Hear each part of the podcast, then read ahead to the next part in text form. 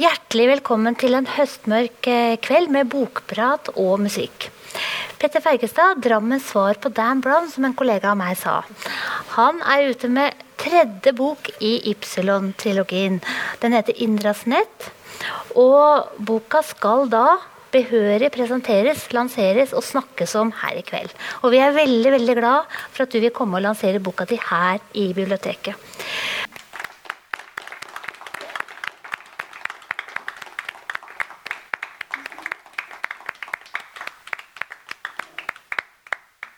Da setter vi oss her, vi. Og da er det sånn at vi skal begynne med Jeg lurer på Det er lyd her, liksom? Ja. Vi skal begynne med å komme med noen få små smakebiter fra boka. Så da vil først Petter lese et lite utdrag, og så har jeg valgt meg et lite utdrag etterpå. Vær så god. Torsdag kveld sto Tor og så utover folkemengden på Union brygge i Drammen. På en plattform over bassenget i Pollen hadde Buskerud storband tatt plass. På Ypsilonbrua og området rundt var det trengsel. Innbyggerne i boligblokkene sto på balkongene sine og tok inn begivenhetene fra orkesterplass. Så lenge lageret rakk, var de fremmøtte forsynt med halvmeterlange lysstoffrør. Noen lekeduellerte forsiktig med dem i trengselen. Dirigenten for bandet hadde fått et lysstoffrør å dirigere med. TV-Drammen var på plass med en innleid opptaksbuss ved siden av Drammensbiblioteket. De forsynte internasjonale TV-selskaper med direkte bilder. Tykke strømkabler gikk inn til strømforsyningsuttak i østveggen på papirbredden. Tre enorme TV-skjermer dekket store deler av veggen. To av dem var svarte, den tredje viste folkemengden. Noen linselus vinket til seg selv. Et kvarter før trådløs energiforsyning skulle demonstreres for offentligheten, gikk Thor opp på et podium med musikerne. Fattigdom er menneskehetens største trussel, begynte han. Større enn global oppvarming, større enn malaria. Klarer vi ikke å bekjempe den, styrer verden mot Armageddon. De folkevandringene vi har sett hittil, vil være småtterier i forhold til det som da kan komme. Det er mangelen på elektrisk energi som mer enn noe holder folk i fattigdom. Det skal vi gjøre noe med. Kveldens demo er en forsmak på teknologien vår. Han pekte på storskjermene. Den ene av de to svarte skjermene der borte mottar bilder fra et kamera i en Masai-landsby i Tanzania. Den andre fra en bosetning i jungelen i Amazonas. Wow, hørtes en stemme fra en som var godt i gang med festen allerede. Flotte bilder, dude, men er de ikke litt mørke? Thor smilte og så på klokken. Ti sekunder igjen. Han var andpusten da han startet nedtellingen. Ti, ni, åtte Han pekte på Buskerud storband, og de stemte i med John Lennons 'Power to the People'. Tre, to, én Bli lys! Ingenting skjedde. Thor ble svett. Hva om det ikke virket etter alt medieoppstyret? Så lyste lysstoffrørene opp. Folk jublet og svingte dem i luften. Dirigenten sto som en Jedi med lasersverd og dirigerte. Folk begynte å danse i takt med musikken. Og nå dukket bilder opp også på storskjermene. Bilder av innbyggere i de to landsbyene som strømte ut av hyttene. De huiet og pekte, lysstoffrør hang og skinte som glitrende belgfrukter i trærne. Noe fikk Thor til å se over hodene på folkemengden over mot Ypsilonbrua. Han stivnet. Brua hadde begynt å svinge. De dansende menneskene der ute falt uvilkårlig inn i samme rytme. Først så de ut til å more seg over fenomenet, men etter hvert som svingningene økte, ble det tilløp til panikk. Folk strevde med å holde balansen og komme seg vekk fra brua. Svingningene fortsatte å øke, kabeltårnene svaiet og slo inn i hverandre. Brakene ga hul gjenlyd over elva. Thor hadde sett et filmopptak av Tacoma Narrows Bridge som ble satt i svingninger av vinden og til slutt raste i sjøen. Var noe lignende i ferd med å skje her? Kanskje pga. folkemengden som danset i takt der ute? Da slo det ham. Hva om det skyldtes noe helt annet? Noe han hadde prøvd å fortrenge, men som lå og murret i tankene hans. De savnede jordskjelvmaskinene.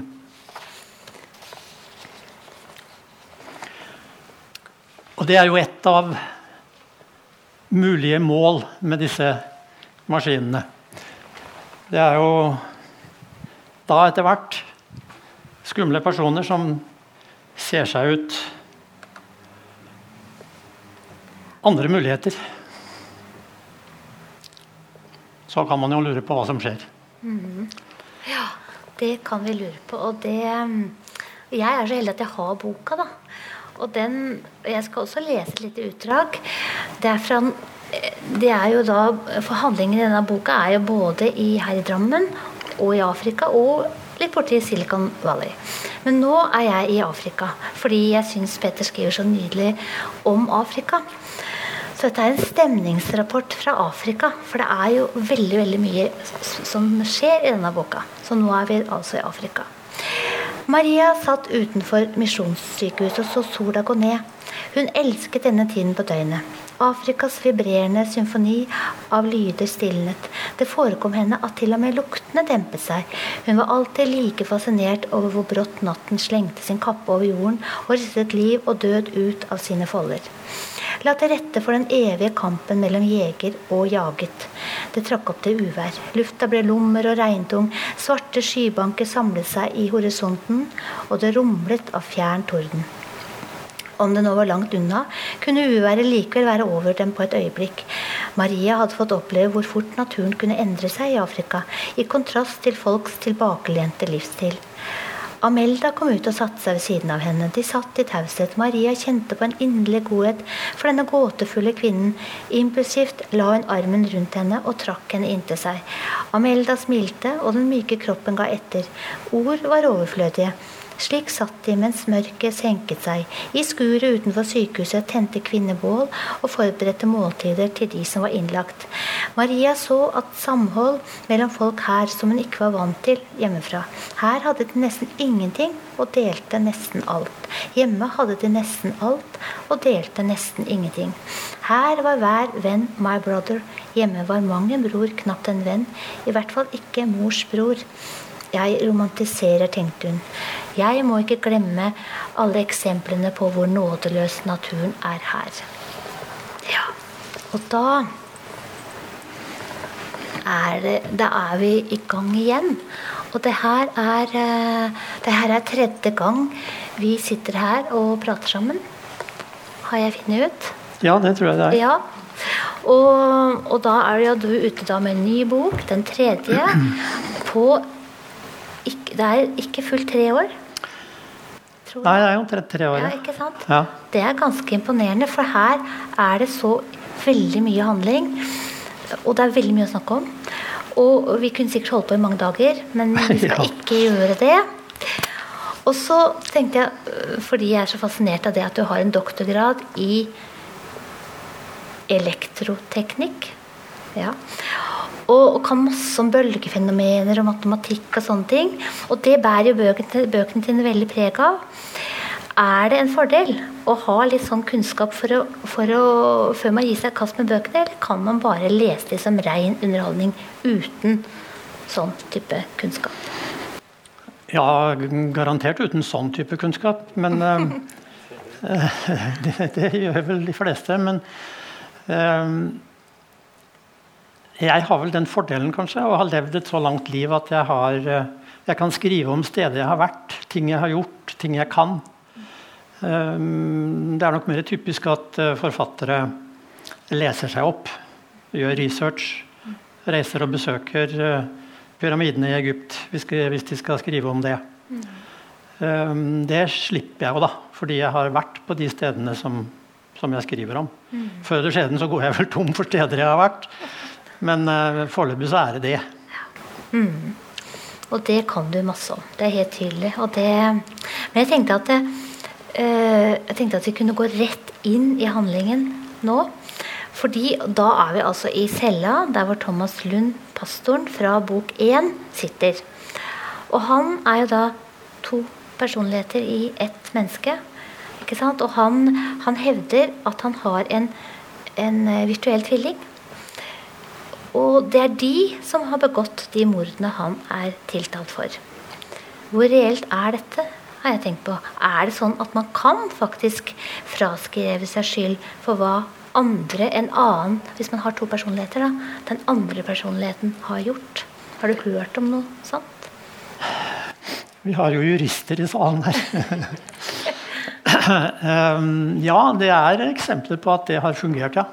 Det er, en, uh, det er nok flere eksempler på at det ikke har fungert, enn at det har fungert. Men uh, uh, det er en sånn kjent case som, uh, som, alle refererer til når det gjelder akkurat det der. En fyr som het, het nesten Jerry Mulligan. Han het Billy Milligan. Um, som var en serievoldtektsmann og ransmann og gjorde mye som ikke var noe særlig bra. Og han slapp unna. Men, men han var da en nokså ekstrem fyr. Det er jo han pastor nå, for øvrig. Men han, han nesten Jerry Mulligan, han, han ble det slått fast hadde 24 personligheter. Så han hadde et register med folk å spille på når det var noe han ville forklare vekk. Og I de fleste tilfellene som jeg har lest om, hvert fall, så, så, er det en utpreget mistanke om at dette har de dikta opp. Dette er juks. Dette tror vi ikke på. Men han uh, her, da, han uh, ble idømt Eller han kom i ble tvangsinnlagt, da. En psykiatrisk mm. anstalt. Og var der til han døde, tror jeg, av kreft. Han var jo et ulykkelig menneske, selvfølgelig. Det er jo ingen god diagnose å ha. Nei, nei det er det. Og, det er, og, og pastoren da, som sitter der i fengselet, han hevder at uh, han, han, har en virtuell tvilling. Og den er lagd av et hologram. Kan du si noe om det? Om hologrammer? Ja. Eh, det, det, kan jeg jo. Men eh, et hologram eh, i sin enkleste form er jo egentlig et avansert eh, fotografi. Det, det, fremstilles på Eller ble fremstilt, i hvert fall. Nå er det jo modernisert, men i, i, i sin utspring så så startet det med at man tok et bilde av en gjenstand. På samme måte som man gjør med et fotogra vanlig fotografiapparat. Eh, og fikk en film på samme måte som et fotografiapparat. Og eh, der slutter da likheten. For hvis man fremkaller filmen fra et uh, fotoapparat, så har man jo foran seg et Eller hadde i gamle dager, før det ble digitalt. Mm. Så hadde man et, et flatt bilde. Dette er i to dimensjoner. Mai. Uh, det var jeg jo vant til at sånn er det. Og vi tenker oss da inn i at ja, vi skjønner jo omtrent hvordan hun er, selv om dette er en gjengivelse. Uh, hologrammet derimot, når du fremkaller den filmen, da ser du Mai i tre dimensjoner. Og hun svever da i rommet foran denne filmen som om hun er uh, til stede. Uh, hun er jo en illusjon. Du kan jo gå rett gjennom henne. Mm. Men uh, hun er der, og er nesten ikke til å skjelne fra et Hvis hologrammet er ordentlig. Fra, fra meg selv. Mm. Og det er denne teknologien da som, som han, pastoren har utviklet videre til å også bli levende. Mm. Det fins jo eksempler på levende hologrammer òg, og det fins uh, eksempler på noen kvasihologrammer. Det er en sånn lignende teknologi som er brukt mye. Uh, statsministeren i India uh, han han ble berømt der, nær sagt, for å, Det er fem år siden det var valg i India. Han ble statsminister. Dette var i valgkampen. Da fikk han laget et sånt uh, hologram av seg selv. Uh, han kunne tale til forsamlinger da, mange steder. 88 steder var han samtidig. Og tiltrakk folk, og de kunne komme helt innpå han. Og han så helt livaktig ut. Og han ble kalt Magic Moody. Uh, og scora høyt på det der. Michael Jackson har dansa på scenen. Mm. Så, men det, dette er egentlig ikke hologrammer. Det er, det er noen juksehologrammer. Ja, ja. Men det er samme teknologien, og, og det er denne, denne mm, dimensjonen ved tilværelsen. Da, at du kan, du kan eh, skape en slags virkelighet som egentlig ikke eksisterer. Eh, Ungdommen i våre dager er jo vant med å spille på, i en virtuell dimensjon og forholder seg jo til karakterer. Som riktignok er i planet igjen, da.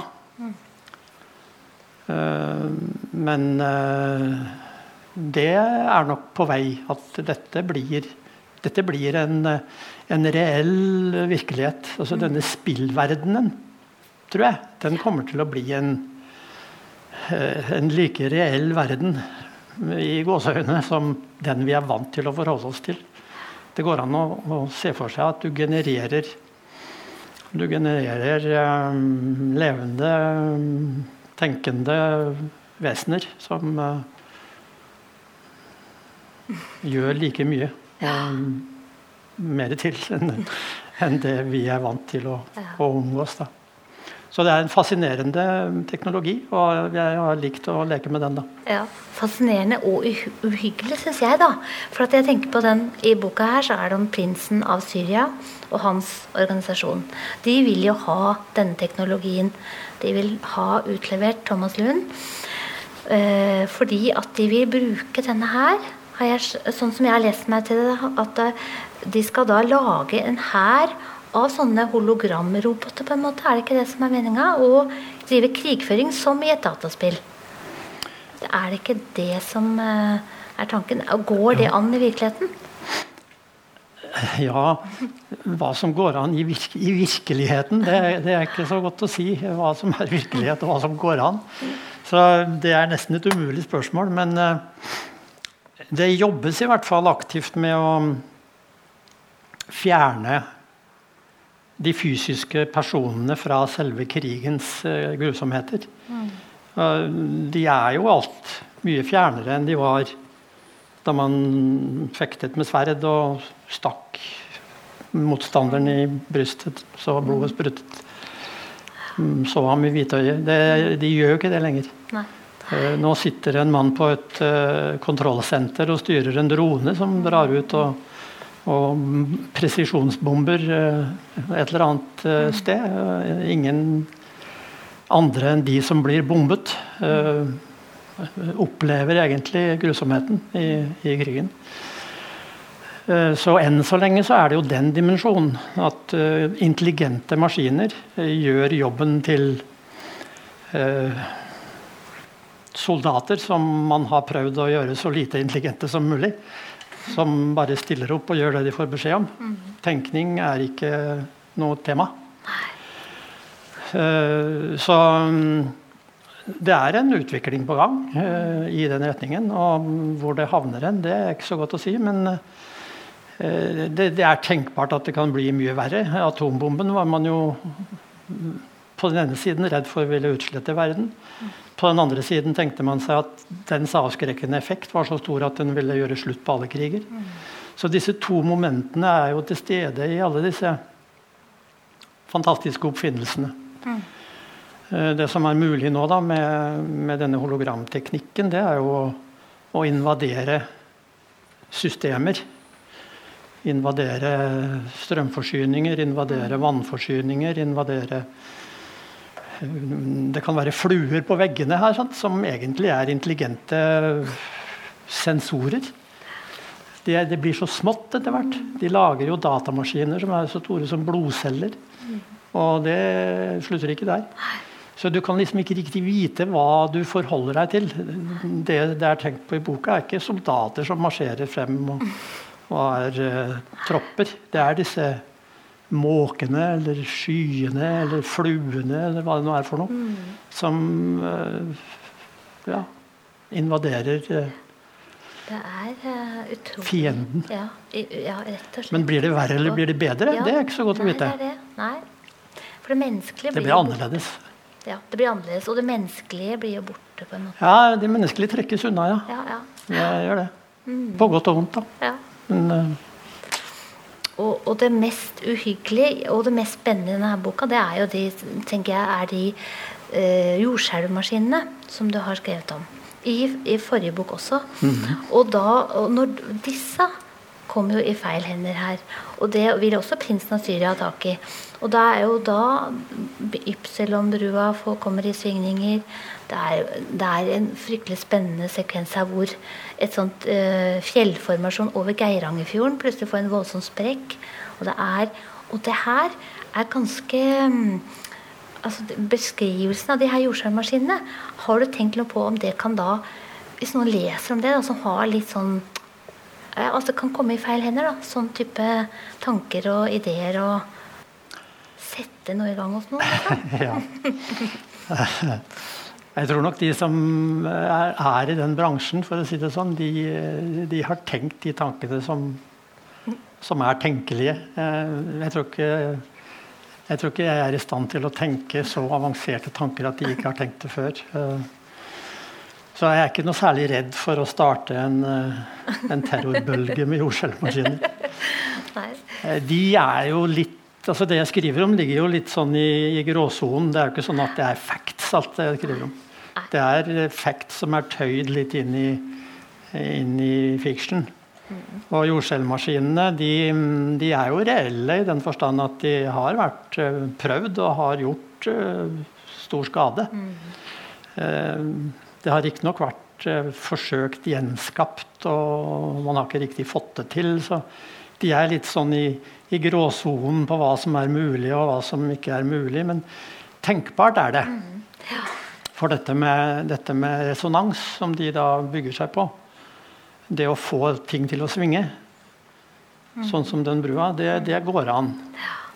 Og det har jo Resonansprinsippet har jo revet ned bruer. Mm tropper eh, Det sto jo i gamle dager, og kanskje de står der ennå, skilt foran bruer at, eh, at uh, troppeavdelinger må bryte takten. Mm. For det kunne da komme i svingninger og, og simpelthen rive ned brua. Mm. Og han Tesla, da, som har patent på denne jordskjelvmaskinen, han, han sa jo Eh, antagelig med en viss porsjon kredibilitet at han kunne rive Empire State Building eller Brooklyn Bridge i løpet av mm. minutter med en sånn boks. Mm. En tenor får jo et glass til å gå i. Jeg har ikke prøvd det. Å sprenge glass. Det er ikke sopran. det er ikke sopran. Ja, da blir det litt, litt større ting du kan sprenge, da. Um, så um, nei, resonans er uh, Det er ikke å spøke med. Det er absolutt ikke å spøke med. Det, det, har jeg skjønt etter å ha lest de her bøkene. Ja. og, og, da tenker jeg at vi skal gå til um, for Veldig sentralt i denne boka så er det du leste om, den der store lanseringen av det trådløse elnettet til Tor Tøndel, hovedpersonen i boka. Og, og det, som, det sies at den kan da løfte Det, her, det trådløse elnettet kan løfte uh, verdens fattige befolkning opp av fattigdommen. Fordi de, de får nettet. Altså, nei, de får uh, strøm. Ja. ja. Kan du si litt om Eller kanskje det er mye å si om akkurat det der? Vi har spesialister på sånne ting i forsamlingen her. Ja. Ikke akkurat på det trådløse nettet, men på verdens fattigdom og elendighet. Mm. Uh, nei, det er jo en, en, en um, kjensgjerning at uh, overbefolkningen drives fra de fattige landene. Det er, der, det er der befolkningen vokser, og det gjør den fordi det er stor uvitenhet.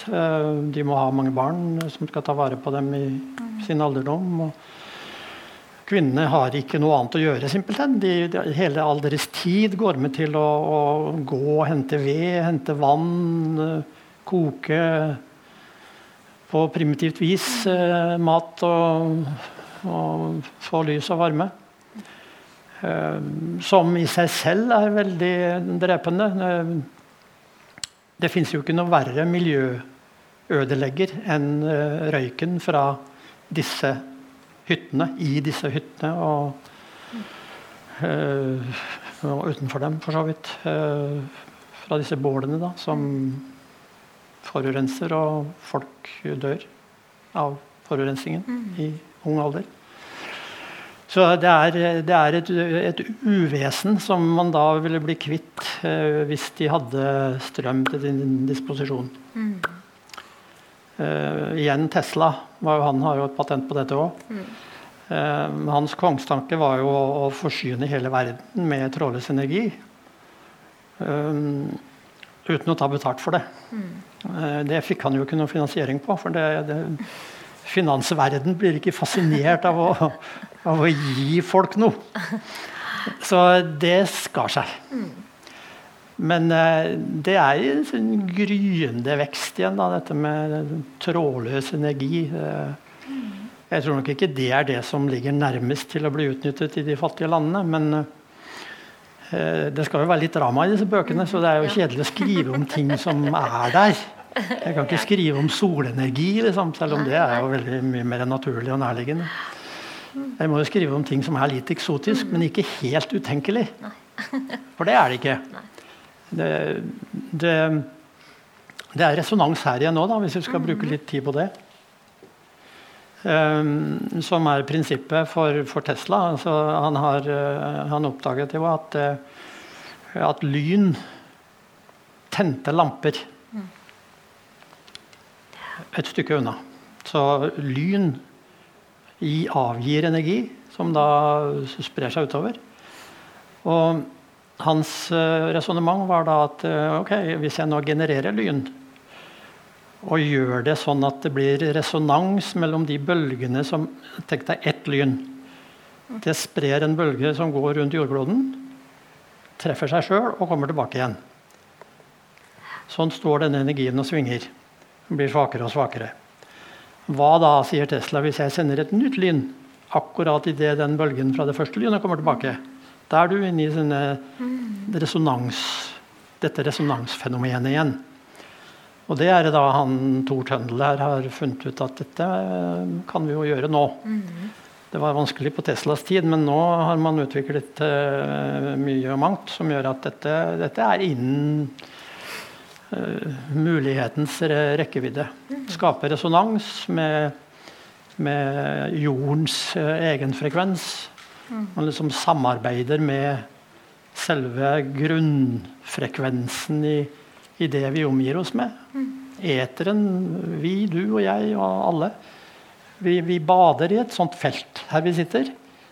Feltet fra lyn som slår ned rundt omkring, det er sånn 50-100 lyn i sekundet et eller annet sted på kloden. Og energien fra disse lynene, den står og svinger.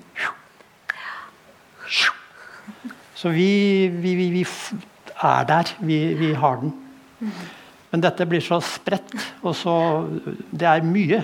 Det er mer energi i disse lynene enn det er fem til ti ganger den energien som Afrika trenger. Men den er jo spredt over hele kloden. Det er ikke noe system på det. Og det er der da denne Teslas oppfinnelse kommer inn, at dette setter jeg i system. Vi lager lyn. Så, Så tenkbart er det, men uh, sannsynlig ja. Men det gjør det veldig spennende i boka. Det gjør, Ja. det, det gjør det. I bøker går det an å få det til. Ja, det er det. Og der står det også om Du snakker om alt det som er rundt jorda, og sånne felt og bølger og sånt. Så står det altså et sted her at alle menneskers bevissthet omslutter jorda som en intelligent eter. Har jeg eh, En veldig fascinerende tanke. Er det noe Har det noe sammenheng? Eller det blir jo noe helt annet igjen. Ja, sånn som jeg ser det i boka, så blir det ikke nødvendigvis noe helt annet. Men i utgangspunktet så er det noe helt annet. Det var en, eh, en um, jesuittpater som het Teilhard de Chardin, som, som hadde denne teorien at uh, evolusjonen eh, har fire faser. Jordens første evolusjonære fase var å være en geosfære. Død, livløs, full av stein. Så ble den en biosfære med liv på det. Og så er vi nå i starten av uh, Han døde i 1950, da.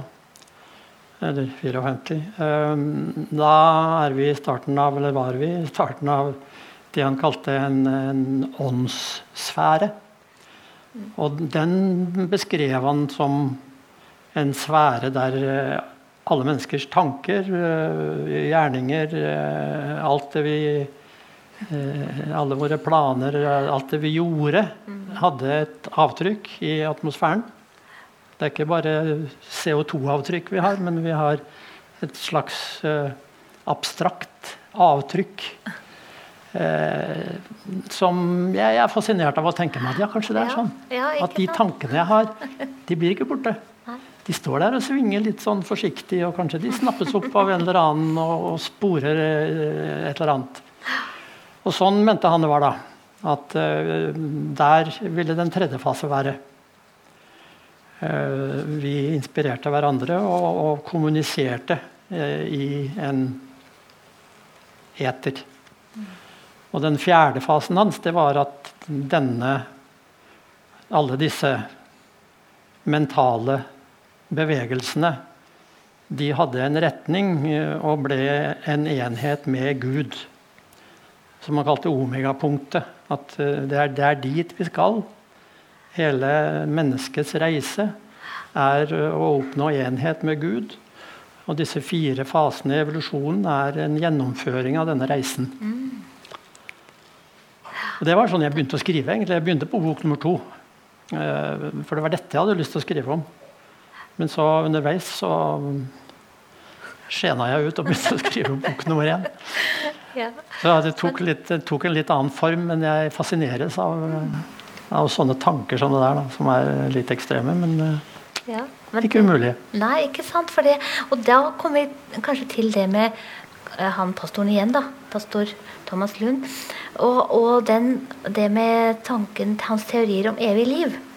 For er, det, er vi inne på noe der? For det at hun, datteren hans, Karina Lund, hun liker ikke farens tanker om evig liv. Eller teorier da, om å skape en virtuell tvilling ved å skanne hjernen. For den tanken at det er hjernen som representerer henne, den syns hun er eh, hun synes det er så utrolig snevert menneskesyn. Mm. Fordi hun ikke bare hun sier da, at hun er ikke bare hjernen, hun er hele kroppen med psyken og alt. Men han mener at han kan altså Han mener jo noe helt annet. da. Er det noe i det der som du snakket om nå, det, at tankene våre svever rundt? Ja, det, det er jo i samme, i samme regime, ja, på en måte. Mm. Og dette er jo en reell, faktisk en reell utvikling. Fremtredende frems, fremtidsforskere mener at vi vil være i stand til uh, innen 2045. Det har de påstått. Det høres mistenkelig spesifikt ut, men det, det er nå det de sier. Flere, faktisk.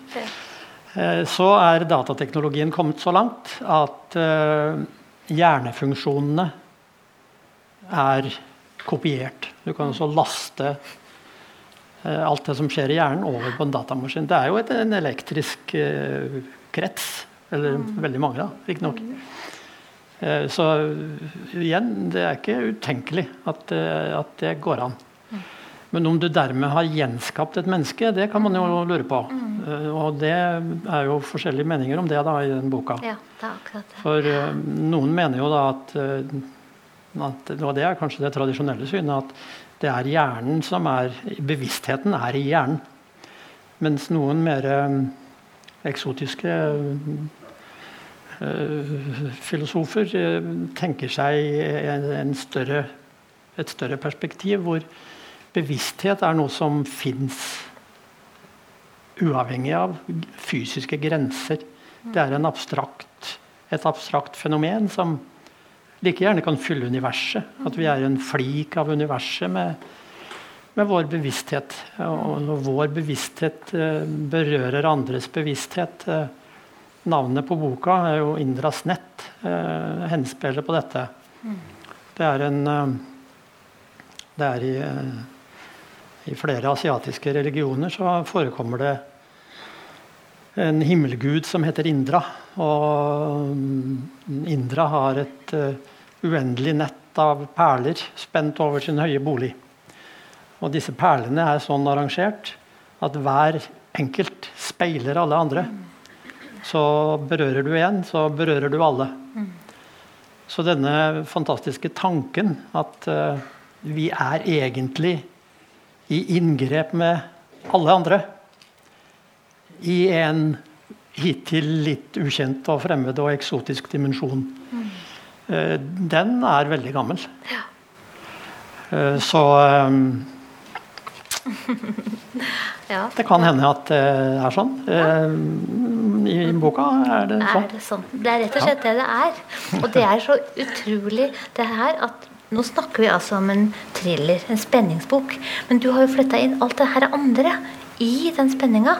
Og det syns jeg er genialt gjort. altså. For vi snakker jo nå om hva er et menneske, om liv og død. Vi snakker om alt mulig sånt. Vi snakker egentlig om en thriller, da. Ja, det er jo dette jeg har lyst til å skrive om. Ja, ja. Men det, jeg ville ikke kunne skrive Jo, jeg kunne skrive en bok om bare det, en, ja. som var mer et essay da, enn eh, en sakprosa. Men eh, det ville antagelig bli 13 mennesker i hele Norge som kjøpte den. Så. ja, det er det. Men, men, du har altså klart dette her. Å altså, skape en sånn kjempespennende bok av alt det her som vi snakker om. Og det er ganske utrolig, ja. syns jeg. Og, og så er jeg er en ramme Stan Brown, vet du. Ja, du er jo det. Du er jo det.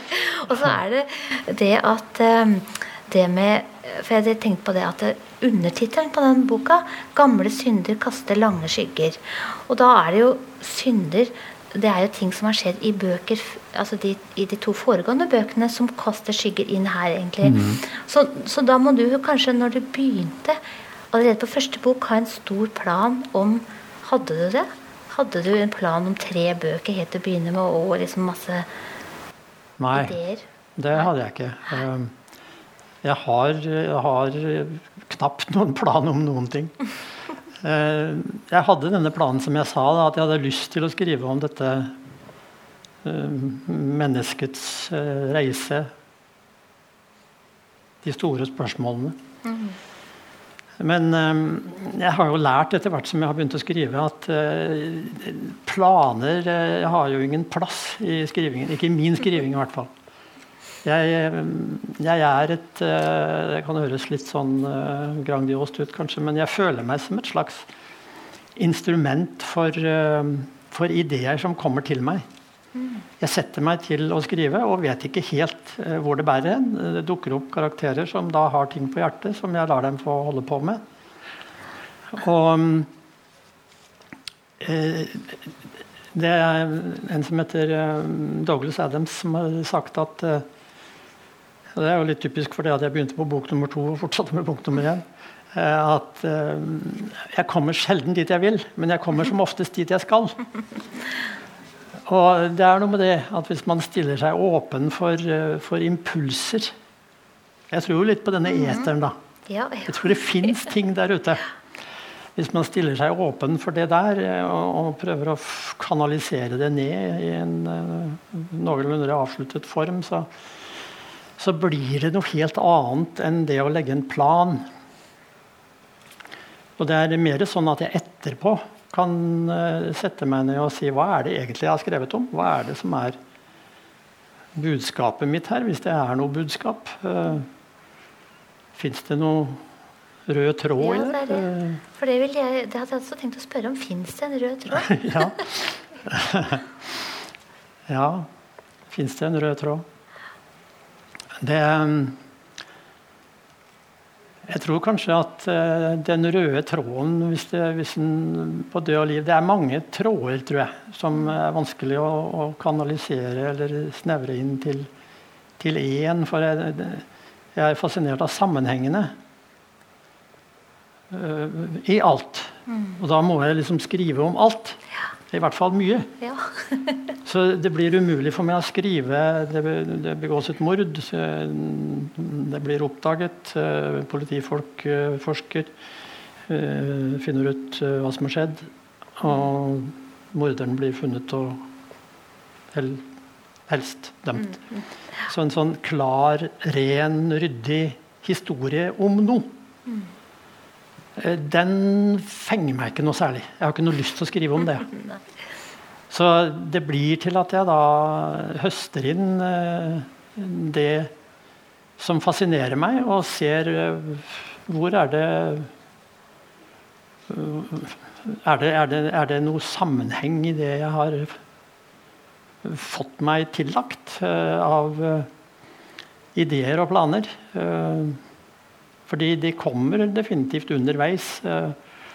Det var ikke noen tanke på at det skulle bli tre bøker. Eller, det, jeg, jeg, tror ikke det slutter med tre bøker heller. For det, jeg har lyst til å skrive om disse personene. de de har begynt å interessere meg mer og mer, og de er ikke godt å vite hva de har i, i sinne framover.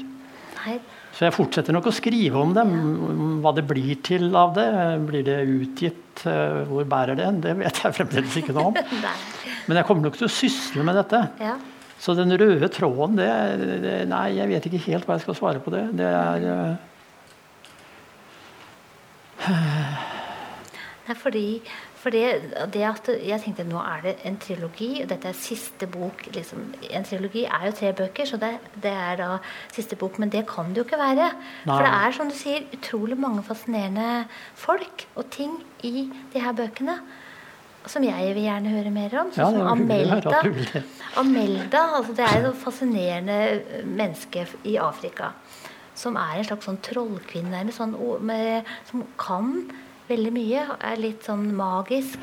Og så kan jeg jo eliminere helt uh, uten at man aner det bort. Ele elementer som ikke bør være der. Ikke at hun er en veldig Hun er veldig spennende. Ja. Det er mange som har sagt det. Hun nå dukket opp ut av intet. Ja, hun gjorde det. Hadde ikke noen planer om henne. Men uh, det kan nok hende, hvis jeg skulle være litt mer ryddig at, at en, det er en rød tråd det at um, Kanskje bøkene er en, en metafor for uh, samspillet mellom det ubevisste og det bevisste. Jeg bruker Afrika som det ubevisste. Det store, mørke, mystiske, gåtefulle, mm. intuitive som vi ikke riktig skjønner. Og jeg bruker uh, Silicon Valley som uh, det bevisstes høyborg, uh, teknologiens høyborg. det er dit vi har mm. kommet mm. derfra. Og jeg liker jo å holde begge disse dimensjonene med. da. Mm. Så hun, Amelda, hun, hun blir en slags Hun får bryne seg på den moderne verden mm. med, sin, uh, ur, med sine urinstinkter ja. og, og, sin magi. Mm, det er det. Den magien. For det er det som er så fint. Og det har du gjort i alle tre bøkene. Blanda vitenskap og magi. Ja. ja. Og det er sånn vi er, tror jeg. Mm, er vi har en eh, venstrehjerne med vitenskapelige eh, begreper og en høyrehjerne med, med mystiske uforståeligheter som ja. vi ikke skjønner noe særlig av. Og den her Det er jo enkelt da, å si høyre og venstre, men, ja. men eh, den ubevissthetsdelen av oss er jo kanskje 95% av det vi, det vi mm. gjør per dag. Eh, det gjør vi ubevisst. Det er 5 vi er bevisste på. Ja. Så det er mye å hente der. Der er det mye å hente, ja. Og det er jo derfra det kommer. Ja. Alt. Alt. Ja. ja. Også de såkalte planene. Når du sier at 'nå har jeg en plan'. Ja, det har jeg nok, men hvor fikk jeg den fra? Jo da, den kom derfra. Så det er nesten ikke noe som, som, skapes eh, ved at jeg logisk og nøkternt tenker at nå skal jeg skrive en bok om det. Kan det hende jeg prøver det. Men hvis jeg da ikke er veldig hårdnakket, så blir det en bok om noe helt annet. Mm, det er det. Og det er jo helt magisk. Ja, det er veldig magisk. Det er magisk. Og det er det også fint at man kan jo ikke finne svarene på alt. Nei, det kan man ikke. Nei, det, Dit er det langt fra. det, det, skal man ikke. Da blir det ikke noe Nei, det er det omegapunktet til en ja. Tailart de Jardin. Det, da. Ja. Enheten med Gud. Ja, ja, jeg blir stadig fanget i denne løgnen. Ja, det ser jeg, men uh... En konspirasjonsteori her. Ja. um, da er jo svaret på alle spørsmål der, da. Ja vel. Ja. Så det, hvis man Jeg tar ikke stilling til uh, om man tror eller ikke tror på Gud, men, men forestillingen om en, et liv etter døden eh, i religioner, eh, det er jo enhet med Gud. Mm. svare på alle spørsmål. Eh, tenk når en gang eh, ja, Jeg husker ikke fortsettelsen, men i hvert fall at jeg får svar på alle spørsmål. Eh, så det slutter vel på en måte med at det aldri slutter. Altså evighetsperspektivet er jo, er jo det, da. At uh, tiden slutter å være, en, være et begrep. eh, og da er det ikke lenger noen spørsmål heller. Det er ikke noe det er ikke noe før, det er ikke noe nå, det er ikke noe senere. Du er bare. Det er det. Og det er det vi ikke kan forstå, men det behøver Nei. vi ikke å forstå. Det Men det er forestillinger om det, da. Ja, det er det. Alt dette er jo begrensa til det hjernen vår greier å fòre oss med av forestillinger om det vi ikke skjønner. Eh, Noen er jo tilfreds med å si at eh, nei, når jeg dør, så er det over. Ferdig. Mørkt. Lyset slås av. Og ja, kanskje det. det, er det. Hva vet jeg? Nei, Jeg hva har ikke vært vi? Nei. Nei.